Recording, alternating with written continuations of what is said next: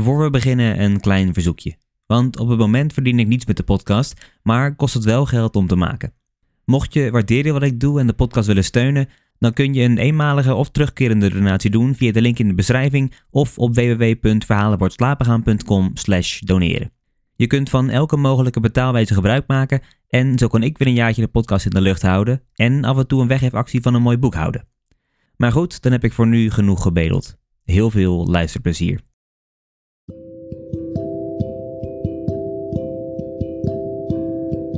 Hallo allemaal en welkom.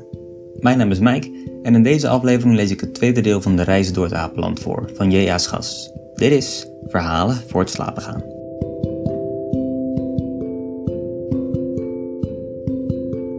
De Reizen door het Apenland werd in 1788 gepubliceerd onder de naam J.A. Schas M.D., wat waarschijnlijk het pseudoniem van de dichter en patriot Gerrit Pape is. Als hij dit inderdaad is, dan schreef hij het terwijl hij in Duinkerke ondergedoken zat, nadat hij door de Orangisten het land uitgedreven was. Wegens majesteitsschennis werd hem een jaar later de toegang tot vier van de gewesten ontzegd. Met de reizen door het Apenland schreef Gerrit Pape maatschappijkritische en politieke satire, waarin een man het land uit moet vluchten nadat hij per ongeluk zijn vrouw, dienstmeid, paard en hond heeft laten verdrinken. Hij komt in het Apenland terecht waar hij verstrikt raakt in het politieke systeem van de apen die graag mens willen worden en discussiëren over het wel of niet afhakken van hun staarten.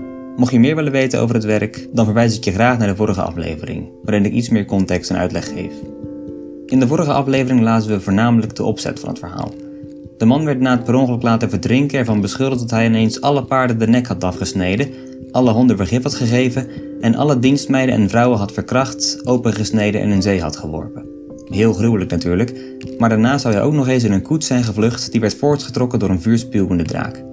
De man vluchtte dus en kwam uiteindelijk in het apenland terecht, waar hij van aap nummer 7854 werd geüpgrade naar nummer 17 en werd aanbeden als een aap die terugkeerde in mensvorm om de apen te leren hoe ze een mens kunnen worden. We zijn geëindigd na de eerste vergadering, waar een aap nummer 5 opperde om de staarten af te hakken, omdat dat immers het enige verschil tussen mens en aap was. Hierin ging aap nummer 1 echter tegenin. Hij vond dat de apen juist van binnenuit moesten veranderen. Dit zou langer duren, maar wel daadwerkelijk ervoor zorgen dat ze misschien zouden kunnen toetreden tot het mensdom. In het volgende deel gaan we zien hoe deze discussie zich zal ontwikkelen en welke politieke listen er worden ingezet om hun doelen te bereiken. Dit is de reizen door het Apenland. Reizen door het Apenland. Hoofdstuk 10. Het reces. Toen de vergadering weder bijeengekomen was, bracht de president de zaak ter bestaan waarover men behandelen zou. Met een bijgevoegd zeer ernstig verzoek dat men toch elkander met bedaardheid verstaan en met reden overtuigen zou. Nummer 1 merkte aan dat het conciliatoire, om namelijk alle de apen behalve de leden der vergadering de staarten af te kappen, wel een conciliatoire genaamd kon worden ten opzichte der verschilhebbende partijen, maar geen zins met betrekking tot de zaak als zaak, want deze bleef er even vreed, even onapelijk door. Ja, dat meer was, men bracht juist door dit conciliatoire de erkende wreedheid te meer aan den dag, omdat men zichzelf van de afkapping uitsloot. Nummer 5 verdedigde zich hierop met te zeggen dat wat hem betrof hij zeer wel in het conciliatoire kon toestemmen om de rust der vergadering te behouden, maar dat hij anders zijn staart voor het algemene welzijn zeer gaarne ten beste gaf. Nummer 7, die het conciliatoire had voorgeslagen, nam toen het woord. Wanneer men, zei hij, het afhakken der staarten op zichzelf beschouwt, dan is het een schreeuwende wreedheid die de aaplijkheid in het aangezicht vliegt. Maar wanneer men een opmerking neemt dat de opoffering onze staarten de bereiking van het grote en verheven doeleinde, de menswording, ten gevolge heeft, dan is het een kleinigheid waartoe elke redelijke aap gretig besluiten zal. Indien men nu echter zulk een helzaam werk zag achterblijven, enkel en alleen omdat twee of drie personen zo vast aan staarten verkleefd zijn dat ze liever de apen apen willen laten blijven dan afstand doen van deze hun slingerende achtereinde, is dan de beste weg niet deze dat men deze weinigen hun staarten laat behouden? En uit dit licht beschouwd zijnde, is dan de voorstelling van het conciliatoire niet ten volle gerechtvaardigd? Maar welke misselijke vertoning zal het maken, zei nummer 2. Wij gestaarte apenhoofden bij onze staartloze committenten. Is het niet billig dat een opperbewindsaap iets meer hebben dan een burgerlijke aap? antwoordde nummer 7. Zekerlijk, zei nummer 2, maar moet die meerderheid juist in een lange staart bestaan? Omdat er een staart is, nemen wij de staart, antwoordde nummer 7. Was er een ander lid, wij zouden het er ook voor nemen. Nummer 1 brak in. Immer zegt het gezond oordeel dat de meerderheid en wijsheid, eerlijkheid en deugd bestaan moet.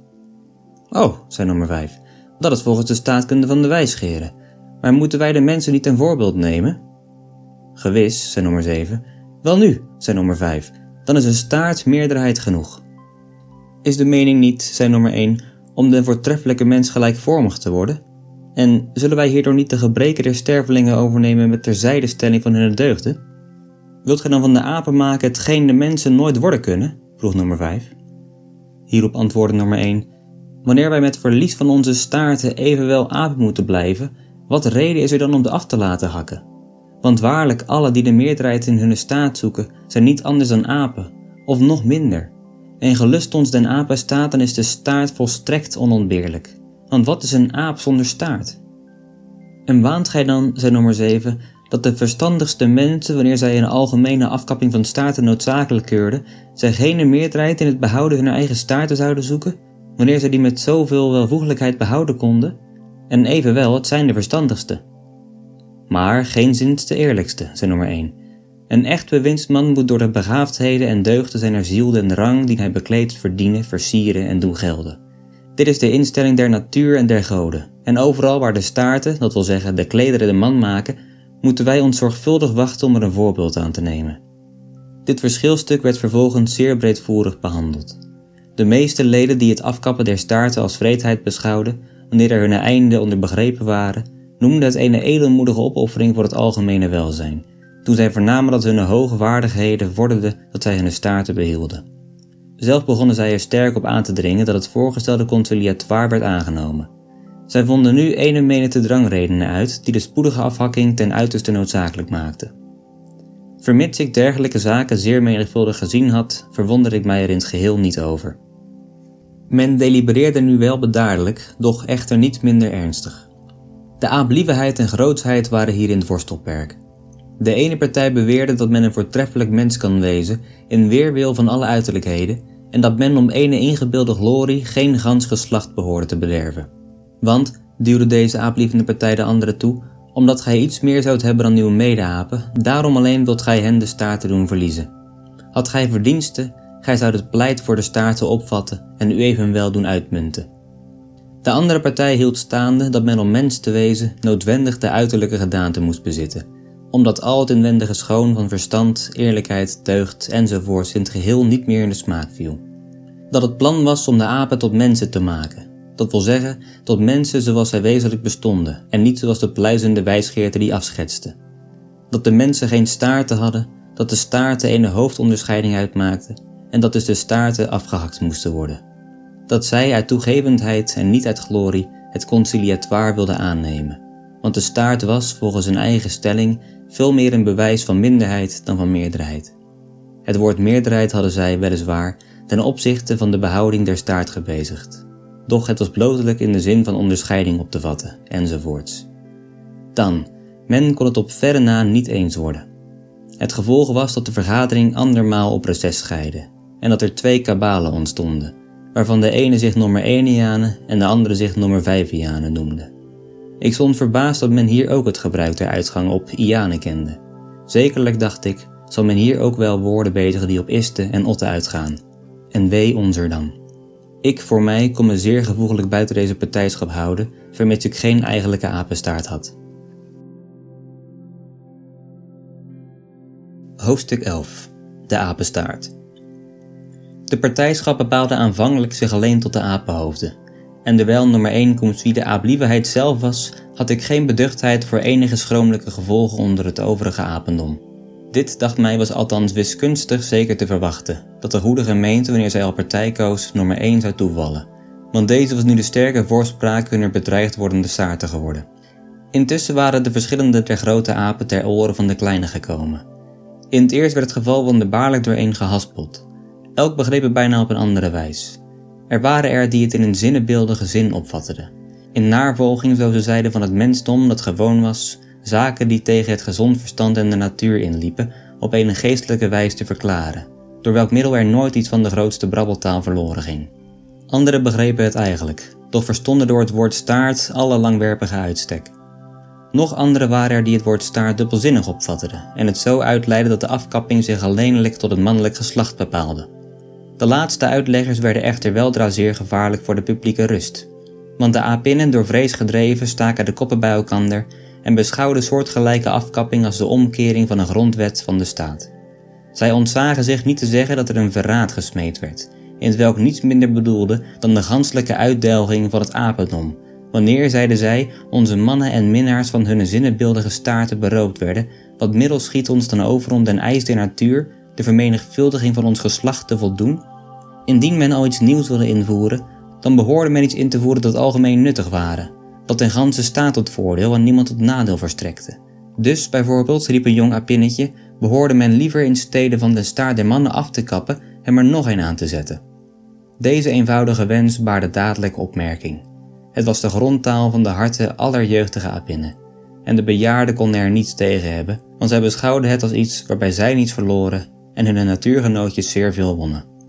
Men kwam weldra op de gedachte om te beproeven of er in deze niets te doen viel.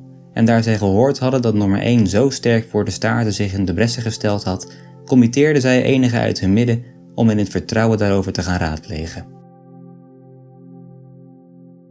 Hoofdstuk 12 De Staatkundige Raad De Apinnencommissie sprak met de grootste openhartigheid wegens het aanzetten van nog een mannelijke staart, met nummer 1. Deze als een verstandige en deffe staatkundige aap overzag ineens welke voordelen hij met deze begeerte der apinnen behalen kon. Als natuurkundige lachte hij heimelijk hartelijk over de onnozelheid der voorstelsters. Hoeveel, dacht hij bij zichzelf, verzoeken zij niet. Zij begrijpen de aanzetting van een nieuwe staart evenals de aanhechting van een tak aan een boom. De goede schepseltjes bedenken niet dat zij evenveel belang bij twee zulke staarten hebben, gelijk de nummer 5 gezinden willen afhakken als bij een vijfde poot van de mannelijke sekse. Gelukkig dat onder de mensen geen natuurkundige lessen door vrouwen gegeven worden. Doch als staatsman beschouwde hij de zaak zeer ernstig. Het apendom, dacht hij, is nog verre beneden het mensdom. Het is in staat om met een dolle kop of door aanhitsing en omkoping zaken te beheren en met een geweldige hand daar te stellen waardoor het zichzelf in verderf stort. Het zou te vergeefs wezen hen te betogen dat de staat een wezenlijk prerogatief van den aap is, want men behoeft hen slechts een haat tegen het woord in te boezemen en straks kappen ze alles af, al ware het zelfs een kop wat met die naam bestempeld wordt.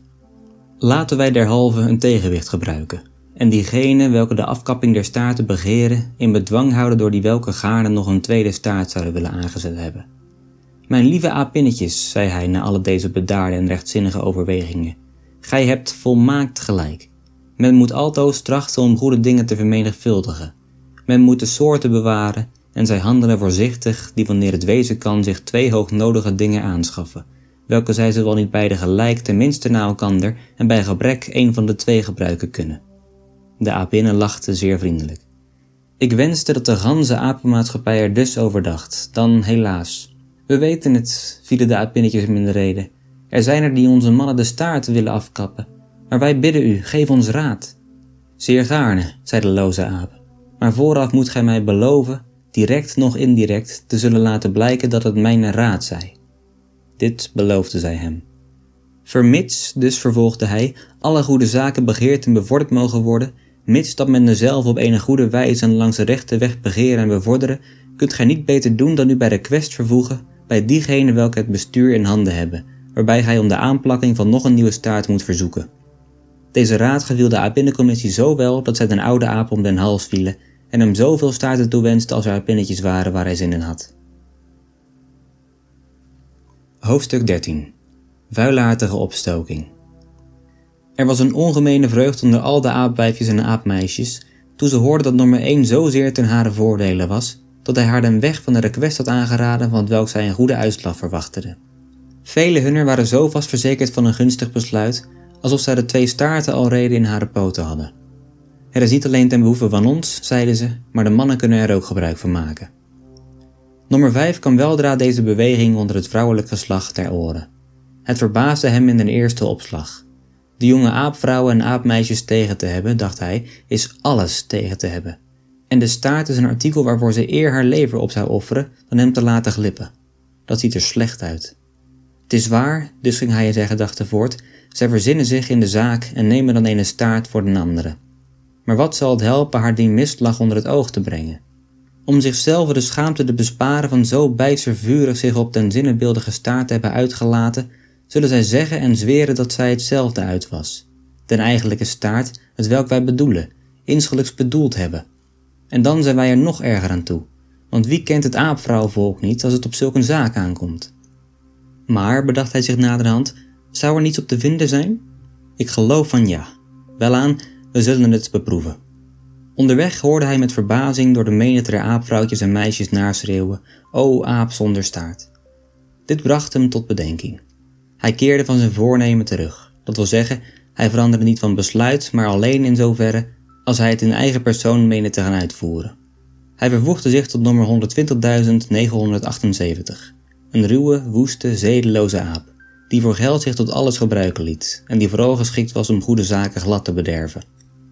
Deze aap, wel onderricht zijnde, vervoegde zich bij de aapmeisjes die de meeste invloed op al de overigen hadden. Hij prees het gedrag van nummer 1 ten hoogste, doch keurde dat van nummer 5 ten sterkste af. Het waren nog geheel iets anders, zei hij, wanneer men de staten die ons alle eigen zijn en welke wij niet nodig hebben, wanneer wij mensen zullen wezen, wilde afkappen. Dan strekte het niet alleen tot een meerdere sieraad of voortreffelijkheid, maar ook in gevallen men eens twee zinnebeeldige staarten wilde invoeren. Dan had men dadelijk een plaats om er de tweede aan te voegen, want ik bid u, waar zou men die anders plaatsen? De aapmeisjes keken hem de woorden uit de mond. Het was of er een engel sprak. Ze gaven hem gelijk, juichten hem toe en verzochten vriendelijk haar verder met zijn wijze raad te willen dienen. Hetgeen ik zeg, vervolgde hij, is gegrond op de waarheid en de ondervinding, en ik zweer u bij alles wat u dierbaar is, dat wij om mens te zijn volstrekt onze achterste staart moeten laten afkappen. De apinnen wilde hem op zijn woord geloven, doch dit voldeed hem niet. Gij moet er door uw eigen ogen van overtuigd worden, zei hij. Zeer gaarne, riepen zij alle tegelijk. Ga dan heen, zei die vervloekte booswicht, naar het ex-nummer 7854, thans nummer 17, die mens geworden is, en visiteert hem. En zodra gij van die waarheid zult overtuigd wezen, kom dan neder, en ik zal u verder raad geven. Deze aanwijzing was niet te vergeefs gedaan. De apinnetjes snelden naar hare buurapinnen, nichtjes, zustertjes en met een woord naar alles wat met een jeugdig hart belang bij een dubbele staart meende te hebben. Zij stelden hen alles breedvoerig voor en hadden weinig werk om haar gezamenlijk uit te lokken om mede tot de visitatie uit te gaan. Hoofdstuk 14 De visitatie Ik, thans nummer 17, die altoos als een stille in den lande geleefd had, die mij volmaakt buiten alles hield wat de aperij aanging, ik wist niets van dit ganse geval.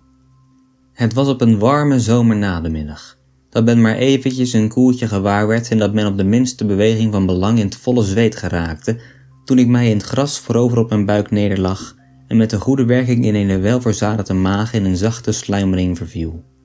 In dit apenland waren geen huizen of hutten, dus diende het open veld mij tot allerlei gebruiken. Door een verschrikkelijk geschreeuw van hier is het manmens, hier is het manmens, werd ik wakker.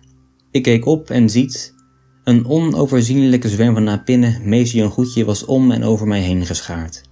De bomen zaten opgepropt vol, zover ik kon zien, en de grond was niet anders dan een onmetelijk martveld, met apenkop in plaats van keistenen belegd. Vier of vijf apinnetjes kwamen met de uiterste vriendelijkheid naar me toe. Man mens, we zijn gelast om u een vriendelijk verzoek te doen. O mijn engeltjes, verzoekt wat gij gelieft. Men vertelt ons dat de manmensen geen staarten hebben. Is dat waar? Ik keek hen aan en werd met de zaak verlegen. Geen staarten? Hoe? Gij, manmens, gij weet immers wel wat een staart is. Gij hebt wel van het afhakken gehoord. O goede en rechtvaardige hemel, dacht ik. Deze zijn gekomen om mijn staart af te hakken. Nu komen we onderzoek doen om, ik werd zo bleek als een dode, te zien of het waar is dat gij geen staart hebt. Maar, mijn lieve mevrouwen en juffrouwen, zei ik in mijn verbijstering tegen de apinnen, wat heb ik u misdaan dat gij zo wreed zoudt zijn om mij te beroven van... Beroven? Ganselijk niet, man mens. Wij komen slechts zien of gij er een hebt. Dit stelde mij al vrij gerust. Gij komt eens zien of ik een staart heb. Maar eist de welvoeglijkheid niet dat gij u in dit geval met een blote verzekering tevreden houdt? De welvoeglijkheid? De welvoeglijkheid, is dat ook een aap? Helaas, dacht ik, er is geen genade te wachten. We moeten het zien, man mens. Wij verzoeken het u vriendelijk, of anders. Ik ben hier immers niet onder de mensen. Gij zijt onder diegenen die mensen willen worden, en daarom van tevoren willen zien wat mensen zijn. We hebben belang bij uw staart, en daarom geen weigeringen meer. Dit laatste was precies de toon van een getrouwde vrouw of van een meisje dat twee vrijers heeft. Ik keek vruchteloos naar alle zijden heen, om te zien of er geen weg van ontkoming waren. Dan de aapmeisjes waren zo dicht op elkaar om mij heen gedrongen, want elk wilde het dichtst bij de beschouwing wezen, dat ik me nauwelijks meer verroeren kon. Ik gebruikte nog verscheiden redenen, ontleend van de maagdelijke schaamte, eerbaarheid, zedigheid enzovoort, maar alle deze dingen waren hier ten ene onbekend. Zij dachten dat ik van een onbekend soort van apen sprak, waarmee zij niets te doen hadden, en waarvan het geschiedkundig verhaal thans in het geheel niet te pas kwam. Eindelijk begon het de nieuwsgierige apinnen te vervelen. Zij pakten mij gezamenlijk aan en stelden mijn moeder naakt op een hoge, breedgetopte boom ter beschouwing aan de ganse gemeente voor. Tot mijn uiterste verbazing riep de ganzenmenigte met een soort van gejuich: Hij heeft geen staart! Hij heeft geen staart! Iemand die door een felle bliksem of door een kanonkogel enige ledematen worden afgeslagen of afgeschoten, kan niet vlijtiger de revue over alle zijn zelfstandigheden passeren dan ik mezelf bekeek. Allerhande denkbeelden rezen er in mij op.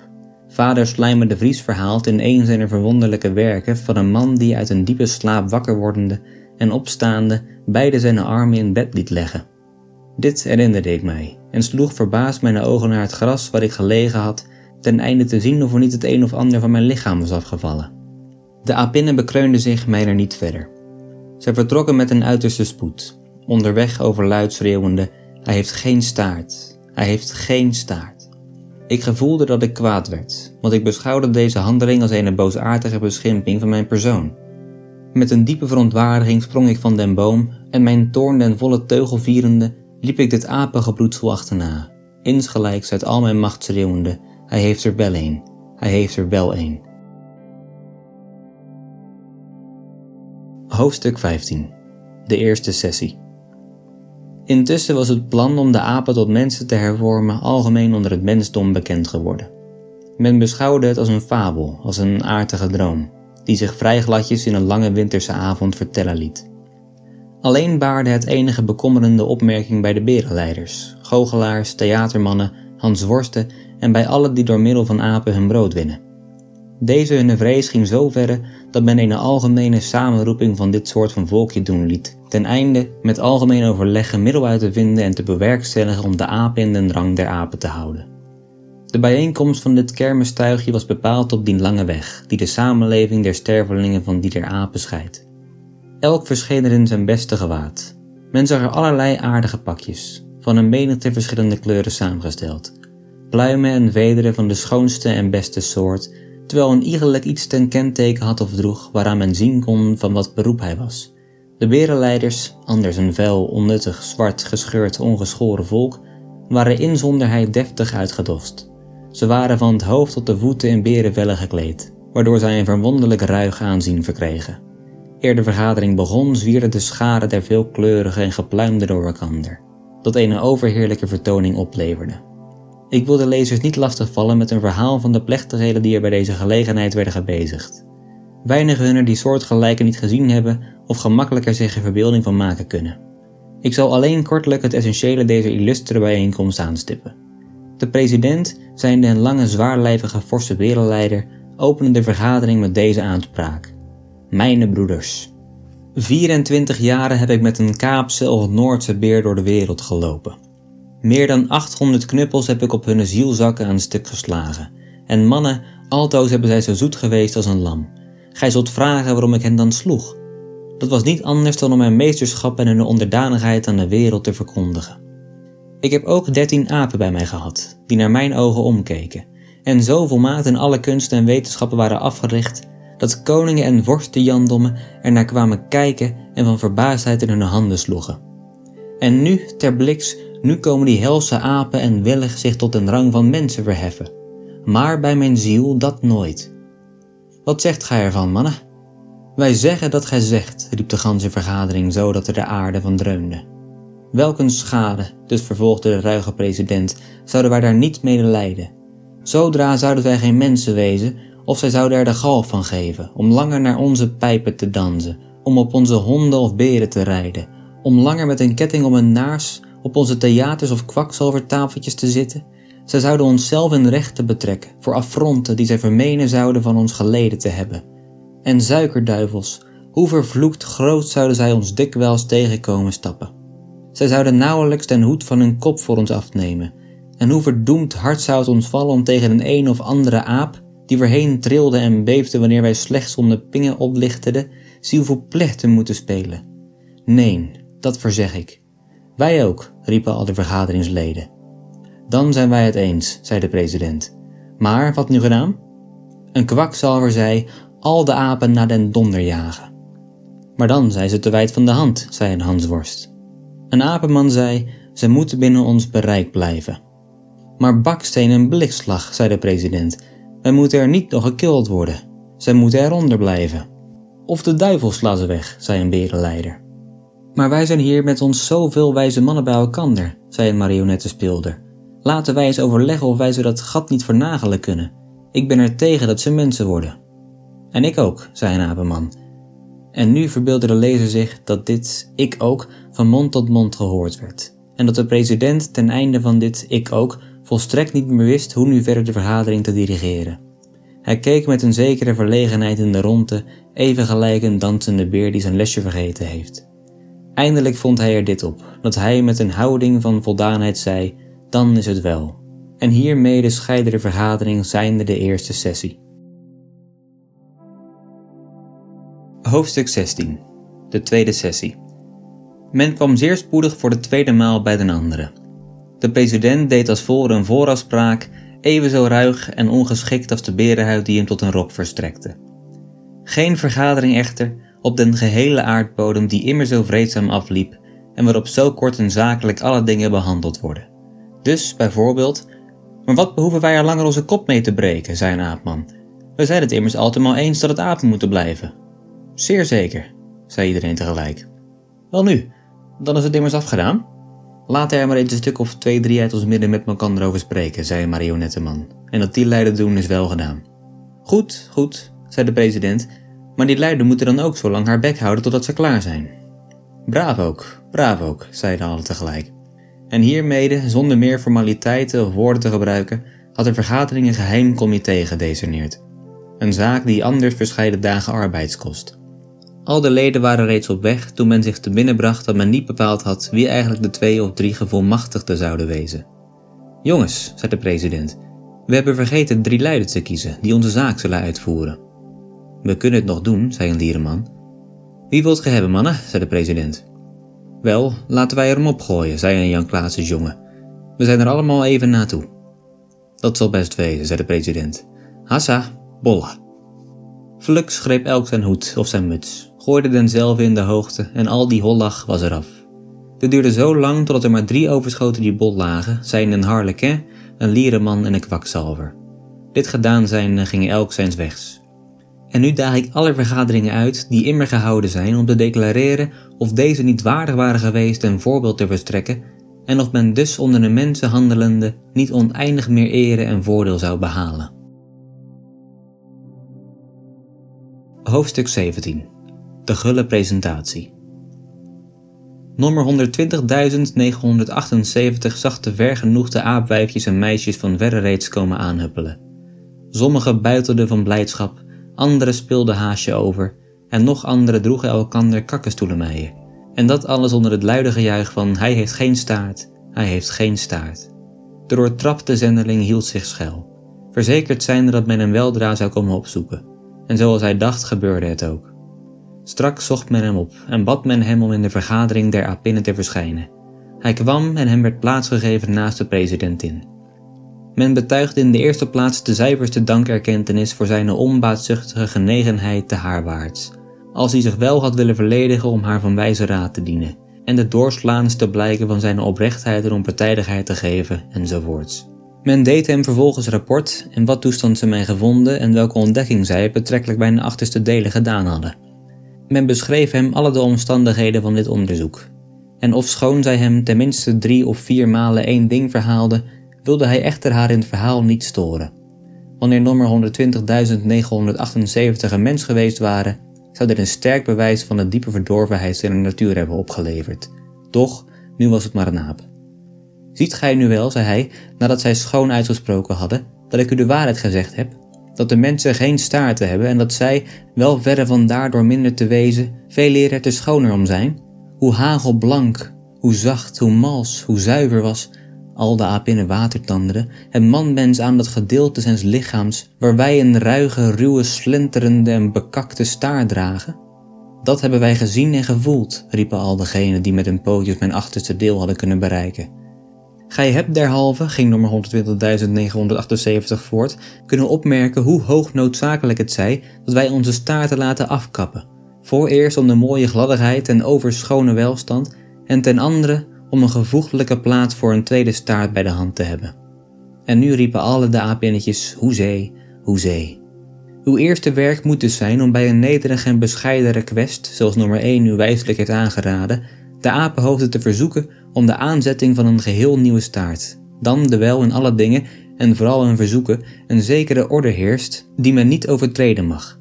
Moet gij u in de eerste plaats bepalen tot de afkapping van dat lange ding, waarvan wij volstrekt geen nuttigheid hebben zodra wij manmensen zullen wezen, en dat ook de nieuwe staart dwars in een weg staat en dit was iets dat zeer duidelijk door alle de apinnen begrepen werd. Nu kwam het hier pas te vragen wie men tot het opstellen van soortgelijke request bezigen zou. Ik weet wel iemand, zijn nummer 120.978, die zeer bekwaam is in het stellen van dergelijke zaken, maar hij zweeg en haalde zijn schouders op. Zou hij het niet voor ons willen doen? vroegen de apinnetjes. Zeer gaarne, antwoordde nummer 120.978. Doch hij zou er niet voor bekend willen staan. De tijden zijn tegenwoordig zo wonderlijk. Wel, dan moet hij het in stilte doen, zei een apin. We zullen hem niet beklappen. Ja, zei nummer 120.978. Ik weet wel dat ge alles weigeren kunt. Gij lijkt op de vrouwmensen. En anders weet ik nog iets beters, zei een.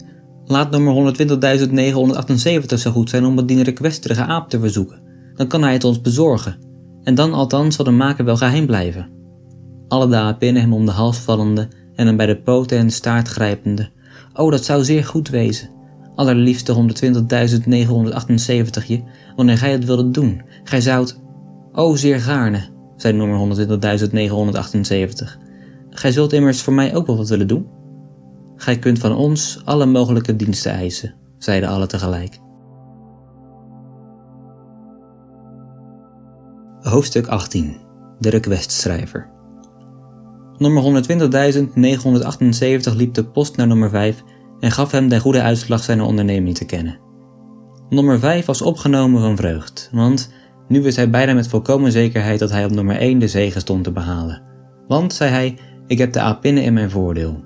Hier stond hij gelijk met het mensdom. Wij moeten het ijzer smeden terwijl het heet is, zei nummer 120.978. Zeer vast moeten wij dat doen, maar wie zullen wij het request laten schrijven? Wie? Weet gij er geen die het schrijven kan? Onder ons apen zijn zo weinig schrijvers, zei nummer 5. Ik weet er een. Maar er zou wat gegeven moeten worden. Dat is niets, een duizend okkernoten. Is overvloedig genoeg, maakte nummer 120.978 af. Maar wie is het? vroeg nummer 5. Het is nummer 9 miljard 278 miljoen 431.223. Een jongen van zeer veel bekwaamheid nummer 9 miljard 278 miljoen 531.223? Wel, kan ik die niet? Nummer 9 miljard 278 miljoen 531.223? Wel, die heb ik meer horen noemen. Hij heeft onze waterlandse historie geschreven, zei nummer 120.978. Hij is getrouwd met nummer 2 biljoen 500 miljard 807 miljoen 903.212 de dochter van de vermaarde 25 biljoen 9 miljard 731.5201,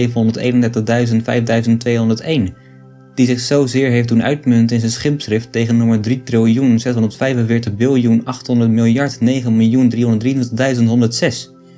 Dezelfde, zei nummer 5, ik ken hem. Wel nu, zou het gij wel eens zo goed willen zijn om hem een request te bestellen? Gij weet wat inhoud het wezen moet. Gij behoeft op geen 25 okkernoten te zien als hij het maar goed maakt. Twijfel daar niet aan. Ik ga aanstonds heen. Hoofdstuk 19 Het onweder en een kwaad wijf. Lang waren de lucht betrokken geweest. Dikwijls had men onweder verwacht, doch telkens waren de buien wederom overgedreven. De lucht verdroeg zeer veel. Eindelijk echter pakten de met vuur bezwangerde wolken zich dicht op en tegen elkander. Door tegenstrijdige winden, uit de vier hoeken der aarde als het ware opgejaagd, schoven zij zo lang over en onder elkander heen, totdat de ruimte welke door hun zwaartekracht bepaald was, geheel opgevuld waren. Als toen schokte en bonste zij tegen elkander met een geweld dat hem barsten deed. De bliksem vloog er van alle zijden uit. Het waren brede vuurstromen, duizend malen breder en gloeiender dan er immer uit een vorst der brandende bergen voortvloeide. De donder ratelde, bulderde en stampte, even alsof hij alom halve werelddelen ontmoette die hem ten taak gegeven waren om te verbrijzelen. Het gevolg van dit alles was een zundvloed over het apenland. De vernielende vuurstroom die zonder ophouden uit de wolken regende en het meeste geweld oefende op het geboomte waarmee dit ganse land overdekt is, zweefde zo verschrikkelijk over de aarde en klom met bedreiging van dood en vernietiging zo dikwerf tegen een stam den booms op, in welke ik mij bevond, dat ik telkens vuriglijk bad dat toch mijn lijden kort mocht wezen. Doodsangsten en verschrikkingen des grafs nepen mij den kloppende boezem toe. Nu, riep ik, ga ik waarlijk heen ter plaatse waar mijn lieve zalige vrouw mij is voorgegaan. Nee, man, werd er geroepen, houd uw gemak, ik zal wel bij u komen. Nu verstijfde mijn tong in mijn mond. Mijn handen bestierven aan den tak dien zij aangegrepen hadden. Mijn aangezicht werd sneeuwwit. Mijn benen waren zo stijf en bewegingsloos als een koevoet, waarmede men rad braakt. In het kort, ik verbeelde mij Lots huisvrouw te zullen worden. Niet omdat ik naar Sodom terugkeek, maar omdat mij dacht de stem van mijn vrouw te horen. Ik zweeg stokstil. Niet omdat ik mijn vrouw niet met antwoord verwaardigde, of dat ik een haat op haar had, of omdat ik bezig was met bidden, of voornemens was om stil uit een boom te kruipen en haar te ontlopen, zoals men kwaadachtelijk onder het mensdom verspreidt. Nee, ik zweeg om geen andere reden dan omdat ik niet spreken kon. Een vehement bliksemschicht en een gruwelijke donderslag werden juist gezien en gehoord toen een ijskoude mensenhand mij bij het dik van mijn been vattede. Ik gaf een luide gil. Schrik niet, werd er gezegd. Doch wie, Satan, zou er in die omstandigheden niet schrikken? Wie zijt gij, vroeg ik, zoveel ik uit kon brengen. Ik ben uw vrouw, was het antwoord. En toen viel ik geheel van mezelf. Hoofdstuk 20 De verachte vrouw Toen ik weer bijkwam scheen de zon uitnemende vriendelijk. De lucht was geheel opgehelderd en zuiver. Ik ademde zo mijn dag de gezondheid zelf in. Alleenlijk werd het onschuldig genot van den heldere hemel verhaald door het gezicht van een oude, grijze, schuddebollende, zeeroogige en druipneuzende apin, die naast mij zat en zeer zorgvuldig mijn hand in haar verschrompelde poot hield. Manlief, zei het lelijke beest. Daar bewaren ons God voor, zei ik, dat gij immer mijn vrouw zoudt wezen. Het afbeeldsel van den Satan schrijde. Gij zoudt wel doen, vervolgde ik, met u ten spoedigste van hier weg te pakken. Helaas, gilde het oude dier. Gij verstaat mij immers wel, vroeg ik. Maar al te wel. En waarom gaat gij dan niet? Ach, knarste deze Proserpina, mijn waardige echtgenoot, voorheen zo teder, zo hartelijk, zo lief, maar nu zo nors, zo vreed, zo barbaars. Waarmede heb ik dit verdiend? Hemel, gaat het dan altoos zo met de mannen, de enige jaren de aanzichten hunner vrouwen zijn gewoon geworden? Zij had precies dezelfde toon, dezelfde houding en dezelfde wijze van uitdrukking als mijn vrouw zaliger. En inderdaad, ik begon bang te worden dat de verhuizing der zielen een leerstelling waren die me al te waarachtig was. Zij kwam daarop naar mij toe, lag haar ene poot op mijn hart, stak de andere onder mijn hals heen zodat ik in haar arm kwam te liggen, beurde mij toen met drift op, zette de haar verschroeide en puistige lip op mijn wangen terwijl de etter uit haar ogen droop, en meende mij dus op haar ijskoude boezem te drukken en aldus te kussen, of liever te verstikken. Doch, door meerdere krachten ondersteund, rees ik schichtig op, sloeg met kracht mijn armen wijd van elkander, zodat het grijze spooksel wel tien voeten verre van mij afvloog en in het gras nederplofte, met zulke geweld dat ik mij verbeeldde dat zij tenminste in zeven of acht stukken moest wezen, en toen, zonder mij langer te bedenken, verliet ik dit akelige gedeelte des wouds met voornemen om er nooit weder mijn voeten te zetten. Hoofdstuk 20 De staatslist. Nummer 1 altoos overkropt met staatsbezigheden en nimmer oplettende genoeg op alle de voorwerpen die eigenlijk een staat formeren, wist niets van de heimelijke opstoking van nummer 5. Hij had zo nu en dan wel eens een apinnetje gesproken, doch deze beschouwde hij in vele opzichten als veel te gering om er staatkundige onderzoekingen bij te doen. Hij kende helaas de voorbeelden niet van rijken en staten, die door vrouwen bedorven zijn geworden, misschien omdat men haar te veel toeliet of er te veel overheen keek.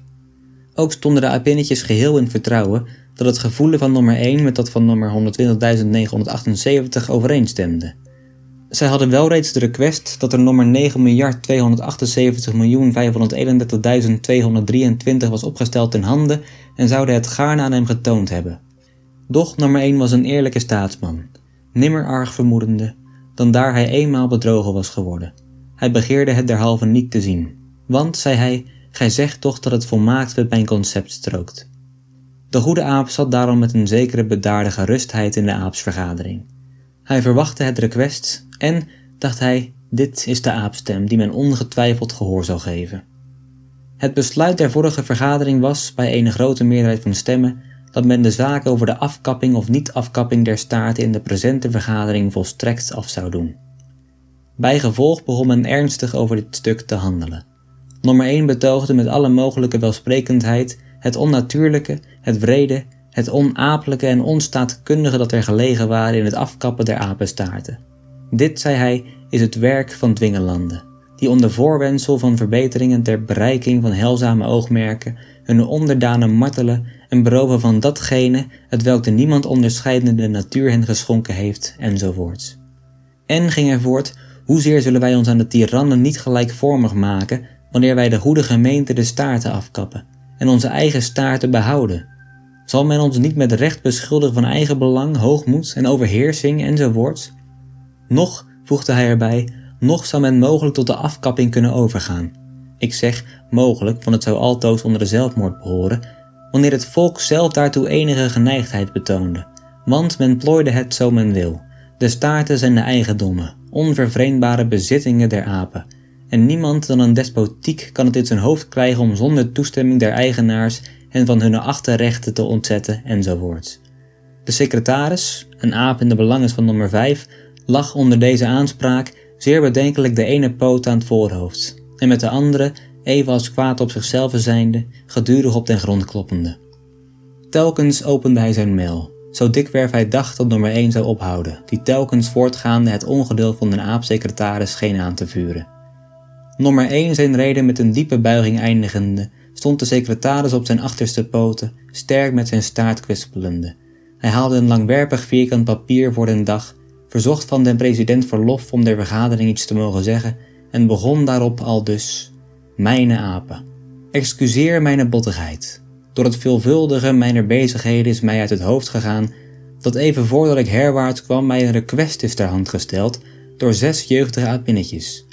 Zij zeiden mij met het verzoek te zijn dat men de goedheid wilde hebben om alvorens over het al of niet afkappen der staarten een vast besluit te nemen, dit smeekschrift te willen inzien, het welk zij mij onderrichteden door al de apinnen van nummer 8.9753 af tot nummer 91 toe ondertekend te wezen.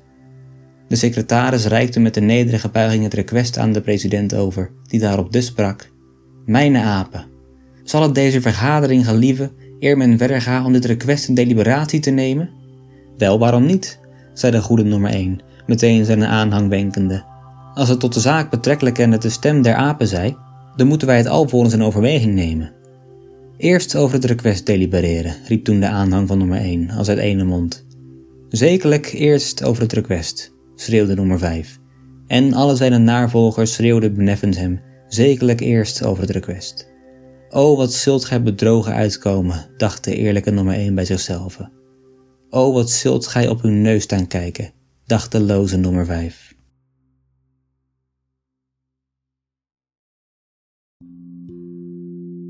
Tot zover het tweede deel van de reis door het. En eigenlijk zijn we op hetzelfde punt aanbeland waar we de vorige keer eindigden, bij een vergadering, waarin ze moeten gaan beslissen of ze wel of niet de staarten af gaan hakken. Er is nu echter wel één groot verschil. De Apinnen hebben een verzoek ingediend dat hoogstwaarschijnlijk in het voordeel van de nummer 5 zal zijn, hoewel nummer 1 denkt dat het in zijn voordeel is. De misconceptie is gebaseerd op één groot misverstand van de Apinnen, waarvan nummer 5 dankbaar gebruik maakt.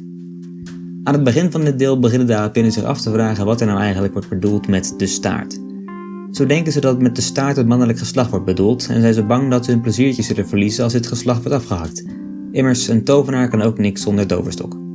De vrouwelijke apinnen worden in dit werk een klein beetje heel erg dom neergezet.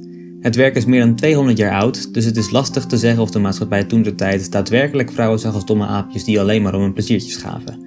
Het werk is en blijft een satire, dus mocht er iets van waarheid in dit beeld zitten, dan heeft Gerrit Papen dit ongetwijfeld uitvergroot en overdreven, om zo een humoristisch effect teweeg te brengen. Of dat nu nog zou kunnen of mogen is een discussie waar ik mijn vingers liever niet aan brand. In ieder geval maakt aap nummer 1 gebruik van de dommigheid van de apinnen en zegt dat de apen inderdaad de staarten moeten behouden en er misschien zelfs één bij moeten krijgen. Hij raadt ze aan een verzoek te doen aan de raad om de staarten niet af te hakken. Nummer 5 krijgt hier hoogte van en stuurt de listige nummer 120.978 erop uit om de apinnen een andere kant op te sturen. Ik was trouwens vergeten dat er zoveel verschrikkelijke nummers in het boek zaten en het was een flinke opdracht om de namen van 91 triljoen nog wat goed uit te spreken. Maar goed, het lukt de listige aap om de vrouw ervan te overtuigen dat de staart afgehakt moet worden om mens te zijn en om plek te maken voor een tweede staart. Om dit te bewijzen stuurt hij ze af op de arme man, die vervolgens uitgekleed en betast wordt door tientallen apinnen.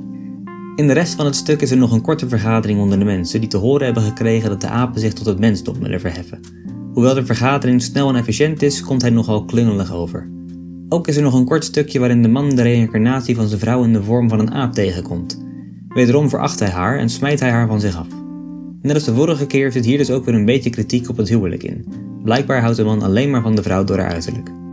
We eindigen bij de vergadering, waar zowel nummer 1 als nummer 5 ervan overtuigd is te gaan winnen. Eigenlijk hebben we in dit stuk dus gelezen hoe in de politiek listen worden gebruikt en er gebruik wordt gemaakt van domme aapvrouwtjes om hun doelen te bewerkstelligen. Eer is dus ver te zoeken. We zullen zien hoe dit af gaat lopen. Misschien krijgt dit verhaal in het volgende en laatste deel nog wel een staartje. Ik wil jullie hartstikke bedanken voor het luisteren naar deze podcast. Voor achter de schermen, updates, vragen of opmerkingen kun je me vinden op Instagram of Facebook onder de naam Verhalen voor het slapen gaan. En dan zie, slash hoor ik jullie volgende week. Voor nu, goede nacht, slaap zacht.